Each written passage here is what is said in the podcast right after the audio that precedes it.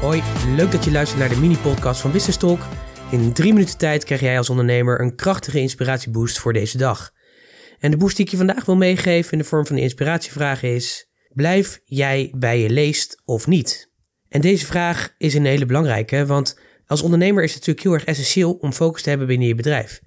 Zeker als je een wat kleiner bedrijf bent, want je hebt namelijk niet dan de mankracht om all over the place te zijn. Dus de kunst is dan ook om echt bij je lees te blijven, om je echt te focussen op dat ene ding of ja, dat ene ding waar je gewoon heel erg goed in bent. En zorgen dat je bedrijf als een geoliede machine gaat lopen en blijft lopen. En als dat het geval is, dan zeg ik vaak tegen mijn klanten ook: oké, dan kun je er wat bij gaan doen. Alleen, ik weet niet hoe het voor jou werkt en voor mij werkt het ook vaak zo. Weet je, als ondernemer ben je gewoon continu bezig met nieuwe dingen bedenken, in de markt zetten. Maar als je dat eenmaal gedaan hebt, ja, dan is de lol daar natuurlijk een beetje van af. Ik sprak vandaag ook weer een ondernemer die ook daar tegenaan liep. Die zei van ja, weet je, dan heb ik het al wel weer een beetje gedaan. En dan wordt het gewoon weer tijd voor wat nieuws. Alleen daar zit dus juist het grote risico.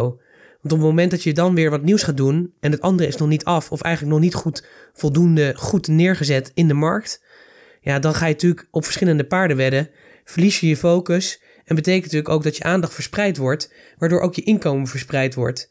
Dus wat ik meestal tegen mijn klanten zeg is, voordat je het volgende oppakt, zorg eerst dat dat wat je doet, wat je cash cow is, waar je geld mee verdient, dat dat supergoed loopt.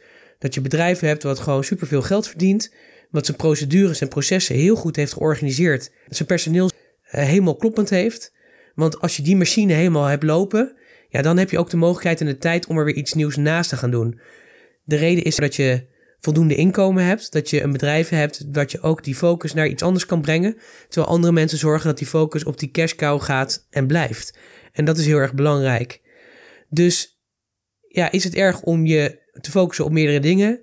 Nee, dat is niet erg, zolang het maar zolang het dus maar complementair aan elkaar is en dat je dus je cash cow echt goed op orde hebt, dat je de processen en procedures op orde hebt, dat je personeel op orde hebt, dat het een geoliede machine is.